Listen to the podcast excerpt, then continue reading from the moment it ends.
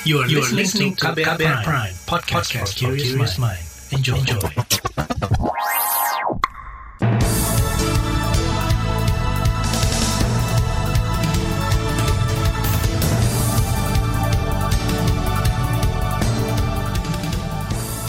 Selamat pagi saudara, senang sekali kami bisa menjumpai Anda kembali melalui program Buletin Pagi edisi Selasa 18 Januari 2021 bersama saya Naomi Liandra. Sejumlah informasi pilihan telah kami siapkan di antaranya pemerintah kebut pengesahan RUU Ibu Kota Negara, Komnas HAM soroti kekerasan di Papua, Apindo gugat Gubernur Anies terkait UMP Jakarta 2022. Inilah Buletin Pagi selengkapnya. Terbaru di Buletin Pagi. Presiden Joko Widodo meminta pembangunan ibu kota negara baru menjadi momentum membangun kota yang sehat, efisien, dan produktif. Oleh karena itu, sejak awal harus dirancang melalui perencanaan yang matang.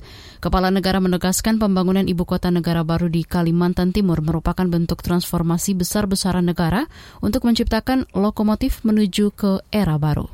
Jadi sekali lagi, ibu kota negara yang baru ini bukan sekedar kota yang berisi kantor-kantor pemerintahan, tetapi kita ingin membangun sebuah new smart metropolis yang mampu menjadi magnet, menjadi global talent magnet, menjadi pusat inovasi. Itu tadi Presiden Joko Widodo. Sementara itu, Menteri Perencanaan Pembangunan Nasional PPN Badan Perencanaan Pembangunan Nasional Bappenas Soeharto Monoarfa menyatakan pemindahan ibu kota negara baru IKN akan dilakukan secara bertahap sesuai pola induk atau master plan. Pola induk itu akan dideklarasikan pada 2024. Dewan Perwakilan Rakyat Republik Indonesia menargetkan rancangan Undang-Undang Ibu Kota Negara bisa disahkan hari ini, padahal panitia khusus Pansus baru ditetapkan pada awal bulan lalu. Wakil Ketua Panitia Khusus Pansus RUU IKN, Junimart Girsang mengakui DPR memang berniat untuk mempercepat pengesahan RUU itu.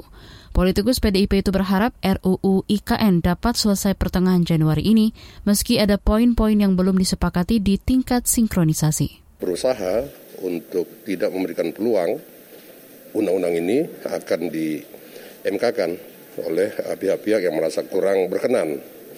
Yang pertama, yang kedua, tentu kita berharap eh, RU ini bisa uh, diketok ya secepat mungkin. Dalam arti cepat tapi tetap uh, mempunyai kualitas sebagai sebuah undang-undang. Wakil Ketua Pansus RUU IKN DPR RI dari fraksi PDIP Junimat Girsang menambahkan, empat poin yang belum disepakati di tingkat sinkronisasi yakni soal frasa baru otorita, pendanaan, dan pembiayaan pemindahan IKN, pertanahan, serta rencana induk atau master plan. Sementara itu Ketua Pansus RUU IKN DPR RI Ahmad Doli Kurnia menguatkan Panja menargetkan RUU IKN lolos pekan ini. Kata dia, percepatan dilakukan dalam rangka penyediaan kepastian hukum untuk pendanaan pembangunan IKN. Pendanaan yang dimaksud bersumber dari kerjasama pemerintah dan badan usaha KPBU, serta investasi agar tak terlalu bergantung pada anggaran negara atau APBN. Sementara itu pandangan berbeda datang dari fraksi oposisi pemerintah Demokrat menilai substansi pasal-pasal dalam RUU IKN masih membutuhkan penjelasan yang kuat. Karenanya pemerintah diminta untuk tidak terburu-buru mengesahkan RUU tentang Ibu Kota Negara atau IKN. Anggota DPR Komisi Otonomi Daerah Muslim mengatakan penggunaan nomenklatur kepala otoritas sebagai sebutan pimpinan daerah di IKN masih perlu dikaji lebih dalam. Muslim khawatir jika substansi dalam aturan tidak dibahas secara matang, RUU tersebut akan digugat di Mahkamah Konstitusi. Kemudian semua konsep otorita yang tercantum dalam pasal 1 perlu diperjelas dan diperdalam dengan penuh kehati-hatian karena ada ketidakkonsisten si dengan pasal 1 angka 2 ini penting uh, pimpinan. Kenapa? Karena jangan sampai undang-undang ini juga ada celah juga digugat di Mahkamah Konstitusi. Jadi kenapa? Karena kita sangat terkait dengan kenapa kalau ini selesai kita bahas, ini semua akan jalan nih. Itu tadi anggota DPR Komisi Otonomi Daerah Muslim. Sementara itu pimpinan Partai PKS Mardani Alisera menilai tidak ada urgensi atau kemendesakan pemerintah dan parlemen untuk terburu-buru dalam membahas pemindahan ibu kota negara atau IKN. Ketua DPP PKS Mardani Alisera menegaskan fokus prioritas saat ini seharusnya penanganan pandemi COVID-19 serta pemulihan ekonomi. Anggota Komisi Bidang Pemerintahan di DPR itu menilai keuangan negara bisa tergerus jika proyek IKN terus memerlukan suntikan dana APBN. Forum Masyarakat Peduli Parlemen Indonesia Formapi menilai pembahasan rancangan Undang-Undang Ibu Kota Negara RUU IKN terlalu cepat dan minim aspirasi publik. Peneliti Formapi Lucius Karus mengatakan kondisi itu bisa menjadi bumerang bagi pemerintah dan DPR jika masyarakat menggugat RUU tersebut. Terlebih kata Lucius, DPR terkesan selalu menuruti instruksi pemerintah dalam percepatan pengesahan aturan tertentu, semisal Omnibus Law yang akhirnya difonis inkonstitusional oleh MK. Dan dengan kemudian catatan terkait partisipasi publik yang rendah dalam proses pembahasan RUU IKN ini, saya kira sih tidak menutup kemungkinan ketika ada yang mengajukan judicial review ke MK nanti, keputusan yang mungkin lebih berat dari Undang-Undang Cipta Kerja mungkin akan diberikan oleh MK gitu ya. Bisa misalnya membatalkan satu RUU sekalian. Jadi saya kira uh, DPR dan pemerintah tidak bisa kemudian langsung bertepuk tangan gitu kalau ini uh, bisa disepakati dengan mudah atau disahkan menjadi undang-undang. Peneliti Formapi Lucius mengingatkan jika RUU IKN yang dinilai belum matang dan minim partisipasi publik itu tetap disahkan, maka bakal terjadi presiden buruk da untuk proses pengesahan rancangan undang-undang ke depannya. Bukan hanya itu menurutnya, kepastian hukum dari sebuah peraturan akan semakin lemah jika peraturan induknya memiliki banyak celah. Oleh karena itu, ia meminta agar pemerintah dan DPR tidak menggunakan instrumen legislasi untuk menerjemahkan kekuasaan. Komnas HAM soroti kekerasan di Papua. Informasi selengkapnya hadir sesaat lagi. Tetaplah di Buletin Pagi KBR. You're listening to KBR Pride, podcast for curious mind. Enjoy!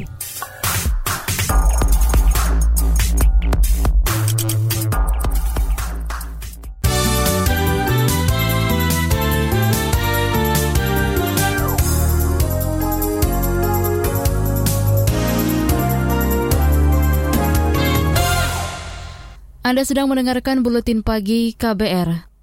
Komisi Nasional Hak Asasi Manusia Komnas HAM mencatat sebanyak lebih dari 20 orang tewas akibat konflik dan kekerasan di Papua sepanjang tahun lalu. Kepala Biro Dukungan Penegakan HAM di Komnas HAM, Gatot Tristanto, mengatakan konflik dan kekerasan yang dilakukan oleh TNI Polri dengan Tentara Pembebasan Nasional Papua Barat, Organisasi Papua Merdeka atau TPNPB OPM, merugikan masyarakat Papua berkaitan dengan situasi kekerasan di Papua sebagai fokus isu yang dipantau selama tahun 2021 tentunya Komnas HAM mencatat terjadi sebanyak 53 peristiwa kekerasan di wilayah Papua yang dilakukan oleh Polri atau TNI maupun OPM atau KKB. Total jumlah korban mencapai 47 orang, di antaranya 24 orang meninggal dunia. Kepala Biro Dukungan Penegakan HAM di Komnas HAM, Gatot Tristanto, menambahkan bentuk kekerasan yang terjadi di Papua didominasi kontak senjata, penembakan hingga perusakan barang atau bangunan. Sementara itu dalam catatan akhir tahun Komnas HAM, ekskalasi kekerasan di Papua sepanjang tahun lalu sudah sangat mengkhawatirkan. Komnas HAM berharap kedua belah pihak mengedepankan penyelesaian konflik dengan dialog, sebab sudah banyak masyarakat sipil yang menjadi korban. Kementerian Agama membantah soal penghentian pemberangkatan jemaah umroh karena adanya evaluasi perkembangan Omikron di Indonesia maupun Arab Saudi. Menteri Agama Yakut Holil Komas menjelaskan penghentian yang dilakukan adalah kebijakan satu pintu, bukan pemberangkatan jemaah umroh. Kebijakan satu pintu atau One Gate Policy merupakan skema pemberangkatan jemaah melalui asrama haji embarkasi Pondok Gede, Jakarta. Pada skema itu, jemaah wajib karantina sehari, tes PCR COVID-19, dan syarat prokes lainnya. Jadi bukan umrohnya diberhentikan, tetapi one gate policy-nya yang dihentikan per 15 Januari. Karena dianggap sudah e, bisa dijalankan tanpa one, one gate policy. Tetapi saya sudah minta Pak Dirjen tidak boleh dihentikan, tetap one gate policy dulu. Jangan kemudian di masing-masing uh, daerah bisa terbang sendiri-sendiri itu itu maksudnya itu yang dicabut one gate policy-nya bukan umrohnya Pak. Menteri Yakut menegaskan tak ada larangan pemberangkatan jemaah umroh sebagaimana tak ada larangan orang untuk pergi ke luar negeri, terlebih jika para jemaah sudah mengantongi visa umroh dari Arab Saudi. Adapun total jemaah umroh yang terinfeksi virus COVID-19 tercatat sebanyak kurang dari 30 orang dari total hampir 2.000-an jemaah yang sudah menunaikan umroh sejak pertengahan bulan ini. Kalangan epidemiolog menilai masuknya COVID-19 varian Omikron di Indonesia cukup mengkhawatirkan. Pakar epidemiologi dari Universitas Erlangga Surabaya, Jawa Timur, Windu Purnomo, beralasan varian ini telah menyebar melalui transmisi lokal, sehingga sulit dideteksi. Ia menyarankan pemerintah meningkatkan kapasitas pengetesan dan pelacakan kasus di tengah masyarakat sudah ada yang bobol masuk ke komunitas yang 12 persen itu gitu. Yang bobol nah yang bobol ini artinya apa? Hanya segitu aja. Apa hanya segitu? Tidak. Segitu itu kan yang terdeteksi. Artinya di bawah permukaan lebih banyak lagi. Artinya kita harus tahu dan sadar bahwa di sekitar kita sudah ada yang membawa virus ya dengan varian baru maupun varian lain gitu. Karena omikron ini tidak sendirian gitu ya. Dosen Fakultas Kedokteran Unair Surabaya Windu menambahkan kasus Omikron yang terdeteksi saat ini seperti fenomena gunung es, artinya kasus yang terdeteksi hanya sebagian kecil. Dia mengimbau masyarakat membatasi mobilitas dan tetap menerapkan protokol kesehatan untuk meminimalkan penularan varian Omikron yang disebut lebih cepat menular ketimbang varian lainnya. Kita ke informasi ekonomi. Badan Pusat Statistik BPS merilis jumlah penduduk miskin di Indonesia per September tahun lalu mencapai lebih dari 26 juta orang atau hampir 10 persen dari total jumlah penduduk. Kepala BPS Margo Yuwono menyebutkan jumlah penduduk miskin per September 2021 mengalami penurunan lebih dari 1 juta orang dibandingkan periode yang sama pada tahun sebelumnya. Namun angka tersebut masih lebih tinggi dibanding periode sebelum pandemi. Di bulan September ini ya itu 9, 71 persen penduduk miskin kita ya turun 0,43 persen poin kalau saya bandingkan dengan Maret 2021 dan turun 0,48 persen poin kalau saya bandingkan dengan September 2020. Kepala BPS Margo Yuwono menambahkan disparitas kemiskinan perkotaan dan perdesaan masih tergolong tinggi. Namun tren penurunan angka kemiskinan di perdesaan lebih cepat dibandingkan yang terjadi di perkotaan. Berdasarkan kategori provinsi, wilayah bagian timur Indonesia masih menduduki peringkat teratas dari banyaknya penduduk miskin. Di urutan pertama, yakni Papua sebesar 27,38 persen, Papua Barat sebesar 21,82 persen, dan Nusa Tenggara Timur sebesar 20,44 persen. Badan Pusat Statistik mencatat neraca perdagangan Indonesia pada Desember 2021 mengalami surplus lebih dari 1 miliar dolar Amerika Serikat atau senilai lebih dari 14 triliun rupiah. Surplus perdagangan terjadi dalam 20 bulan secara beruntun. Kepala BPS Margo Yuwono mengatakan surplus perdagangan bulan lalu disebabkan nilai ekspor yang mencapai lebih dari 22 miliar dolar Amerika Serikat. Sementara impornya mencapai lebih 21 miliar dolar Amerika Serikat bahwa surplus yang terjadi di bulan Desember ini merupakan surplus ya selama 20 bulan beruntun. Ya, jadi kalau kita tarik ke belakang, ya selama 20 bulan ini Indonesia selalu mengalami surplus. Artinya nilai ekspor kita lebih tinggi kalau dibandingkan dengan impor kita ya selama 20 bulan terakhir gitu ya. Uh, surplus tertinggi itu uh, terjadi pada Oktober 2021 di mana surplusnya mencapai 5,74 miliar US dollar. Kepala BPS Margo Yono mengatakan komoditi non-migas penyumbang surplus terbesar pada Desember adalah lemak dan minyak hewan atau nabati, disusul bahan bakar mineral serta besi dan baja. Margo juga menyebut tahun 2021 menjadi tahun dengan surplus terbesar sepanjang lima tahun terakhir, yakni mencapai 35,34 miliar dolar Amerika Serikat. Kita ke informasi mancanegara. Cina mencatat jumlah infeksi harian COVID-19 yang terus melonjak tajam dengan tambahan lebih 200 kasus pada Senin kemarin. Angka itu memecahkan rekor jumlah infeksi harian sejak Maret 2020. Lonjakan infeksi COVID-19 ini terjadi tiga pekan menjelang Olimpiade musim dingin Beijing yang akan berlangsung Februari mendatang. Dari total 200 lebih kasus baru itu sebanyak 80 kasus ditemukan di kota pelabuhan Tianjin. Sementara 9 kasus lainnya termasuk kasus COVID-19 varian Omicron yang ditemukan di pusat manufaktur utama Guangdong. Imbas dari lonjakan ini, para atlet Olimpiade dan pejabat yang telah tiba di ibu kota Beijing diarahkan menerapkan karantina.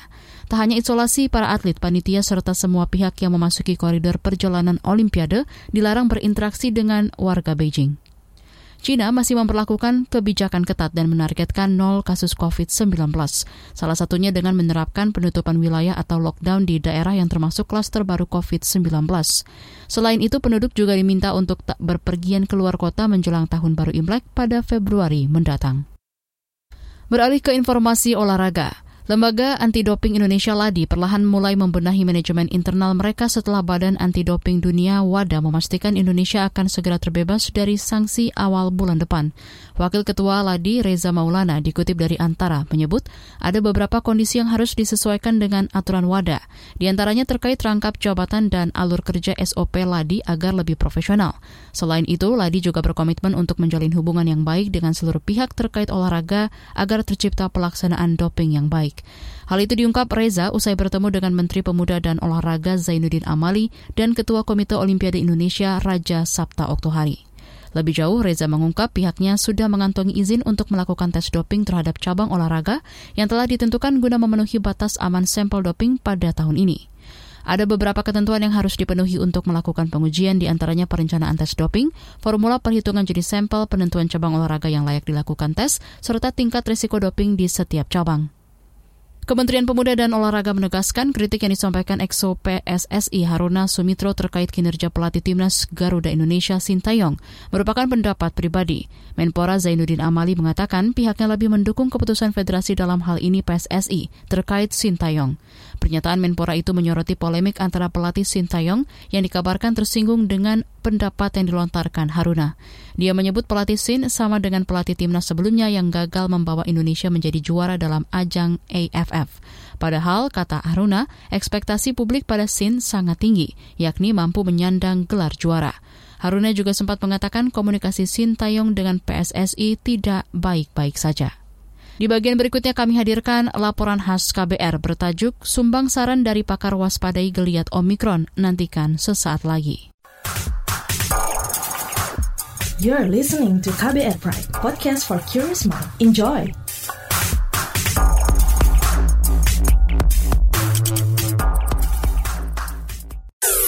Commercial break. Sudah tahu yang satu ini? Sekarang kabar baru ada di playlist teman perjalananmu kamu masih bisa update dengar berita terbaru sambil dengerin lagu kesukaanmu. Semua bisa kamu dengerin di playlist Daily Drive Spotify.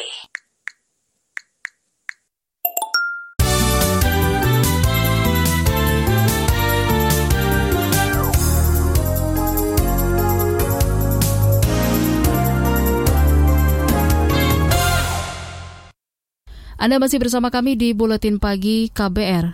Kasus positif varian COVID-19 di Indonesia meningkat lebih dari seribu orang akhir pekan lalu, salah satunya dikarenakan varian Omikron. Angka ini diperkirakan bakal bertambah pada Februari dan Maret nanti. Karena itu sejumlah ahli memberikan saran dan masukan kepada pemerintah bagaimana menghadapi ancaman gelombang ketiga virus corona. Apa saran itu? Selengkapnya simak laporan khas KBR disusun Reski Novianto. Saudara, kasus infeksi COVID-19 varian Omikron terus bertambah di tanah air, terutama di DKI Jakarta. Pada minggu kemarin, tercatat angka kasus harian mencapai 850-an orang. Sehari sebelumnya, jumlahnya lebih dari seribu atau tertinggi selama awal tahun ini. Mayoritas berasal dari pelaku perjalanan luar negeri (PPLN). Itu sebab Presiden Joko Widodo mengingatkan seluruh masyarakat tetap waspada.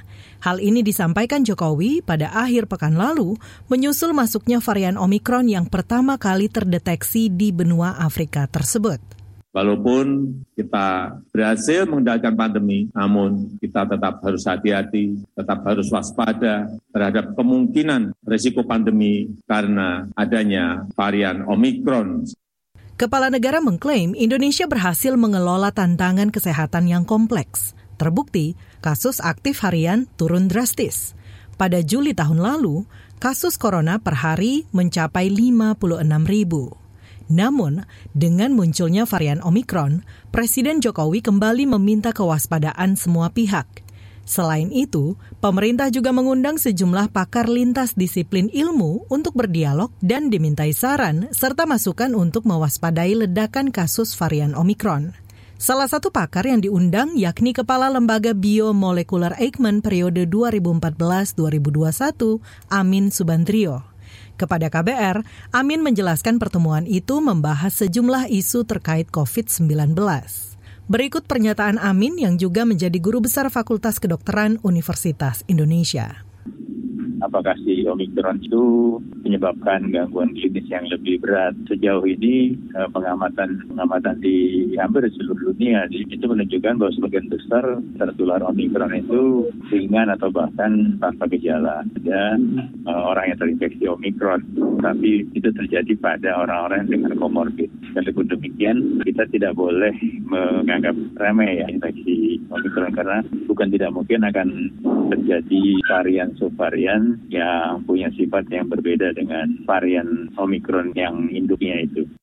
Menurut Amin, Omikron tetap perlu menjadi perhatian pemerintah. Pasalnya, varian ini bisa mengalami sebanyak 50 mutasi dan hal itu turut menentukan kecepatan virus masuk ke dalam sel manusia.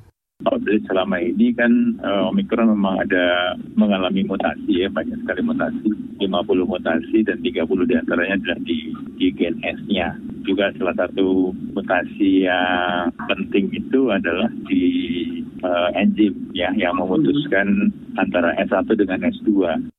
Amin Subandrio menyarankan pengawasan pada tingkat molekuler perlu dipertajam, mengingat banyak hal yang belum diketahui mengenai varian ini. Selain itu, masa transisi penanganan COVID-19 dari varian Delta menuju Omikron harus terus diperkuat pemerintah. Selain Amin Subandrio, pemerintah juga mengundang pakar epidemiologi dari Universitas Erlangga, Windu Purnomo. Kepada KBR, Windu mengatakan masuknya varian Omikron di Indonesia cukup menyulitkan. Pasalnya, varian ini telah menyebar secara komunitas melalui transmisi lokal sudah ada yang bobol masuk ke komunitas yang 12 persen itu gitu. Apa hanya segitu tidak? Begitu itu kan yang terdeteksi. Artinya di bawah permukaan lebih banyak lagi. Artinya kita harus tahu dan sadar bahwa di sekitar kita sudah ada yang membawa virus ya dengan varian baru maupun varian lain gitu karena omikron ini tidak sendirian gitu ya Dosen Fakultas Kedokteran Universitas Erlangga ini menyarankan pemerintah meningkatkan kapasitas pengetesan dan pelacakan. Sedangkan untuk masyarakat, ia mengingatkan untuk tertib protokol kesehatan agar meminimalisir penularan. Jadi artinya kasus yang dilaporkan itu baik Omikron, baik yang kasus lain itu hanya puncak dari gunung es. Apalagi kita tahu bahwa kalau sebuah penyakit menular itu makin ringan gejalanya, ya seperti Omikron tuh misalnya, ini lebih infeksius tapi lebih ringan. Tapi justru karena lebih ringan itu banyak yang tanpa gejala itu makin sulit untuk dideteksi. Saat ini, kasus penularan Omikron di Indonesia lebih dari 660 orang. Sebagian besar berasal dari pelaku perjalanan luar negeri. Namun, kini penularan dari transmisi lokal juga mulai meningkat. Demikian laporan khas KBR yang disusun Reski Novianto. Saya Aika Renata. Informasi dari berbagai daerah akan hadir usai jeda. Tetaplah bersama Buletin Pagi KBR.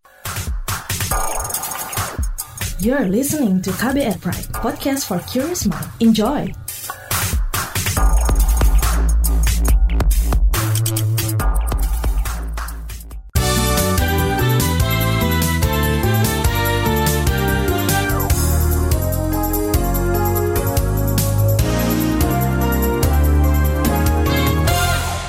Inilah bagian akhir buletin pagi KBR. Dewan Pengurus Pusat Asosiasi Pengusaha Indonesia DPP Apindo DKI Jakarta menggugat Gubernur DKI Jakarta Anies Baswedan terkait revisi kenaikan UMP 2022 ke Pengadilan Tata Usaha Negara PTUN Jakarta.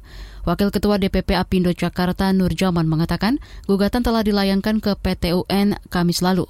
Dia beralasan gugatan tersebut dimaksudkan untuk memberikan kepastian hukum bagi para pelaku usaha maka kami melakukan atau melayangkan gugatan melalui penetapan negara untuk apa? Untuk mencari kepastian hukum apa pun keputusannya. Apabila gugatan kami ditolak oleh oleh PT UN atau oleh pemerintah negara ditolak, ya kami salah. Kami siap untuk melaksanakannya. Apabila kami juga eh, diterima atau dimenangkan oleh pengadilan, mari kita sama-sama untuk melaksanakan keputusan tersebut.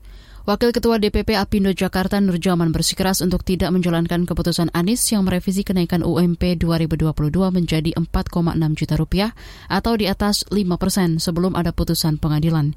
Di sisi lain, Wakil Gubernur DKI Jakarta Ahmad Riza Patria mengatakan kenaikan UMP tahun ini telah mempertimbangkan hak dan keadilan bagi buruh. Beralih ke Jawa Timur, Pemerintah Kabupaten Banyuwangi menghentikan pelaksanaan pembelajaran tatap muka PTM 100% untuk jenjang sekolah SD dan SMP. Kepala Dinas Pendidikan Kabupaten setempat, Suratno menjelaskan, pelaksanaan protokol kesehatan belum dilaksanakan dengan baik. Penghentian PTM dilakukan guna mengantisipasi munculnya klaster sekolah dalam penularan COVID-19 kita sementara mulai start 50% lagi mas untuk menjamin pelaksanaan prokes di sekolah ya.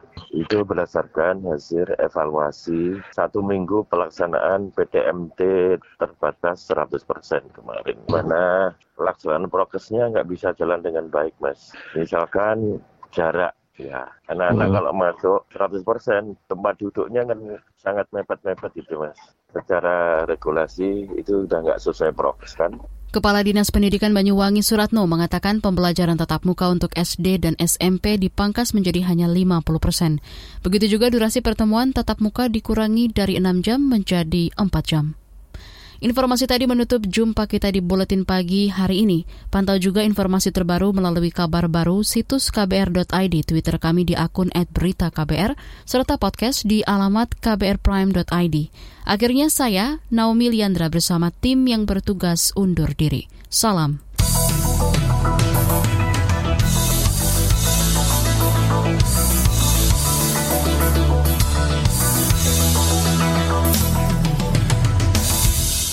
KBR Prime, cara asik mendengar berita. KBR Prime, podcast for curious mind.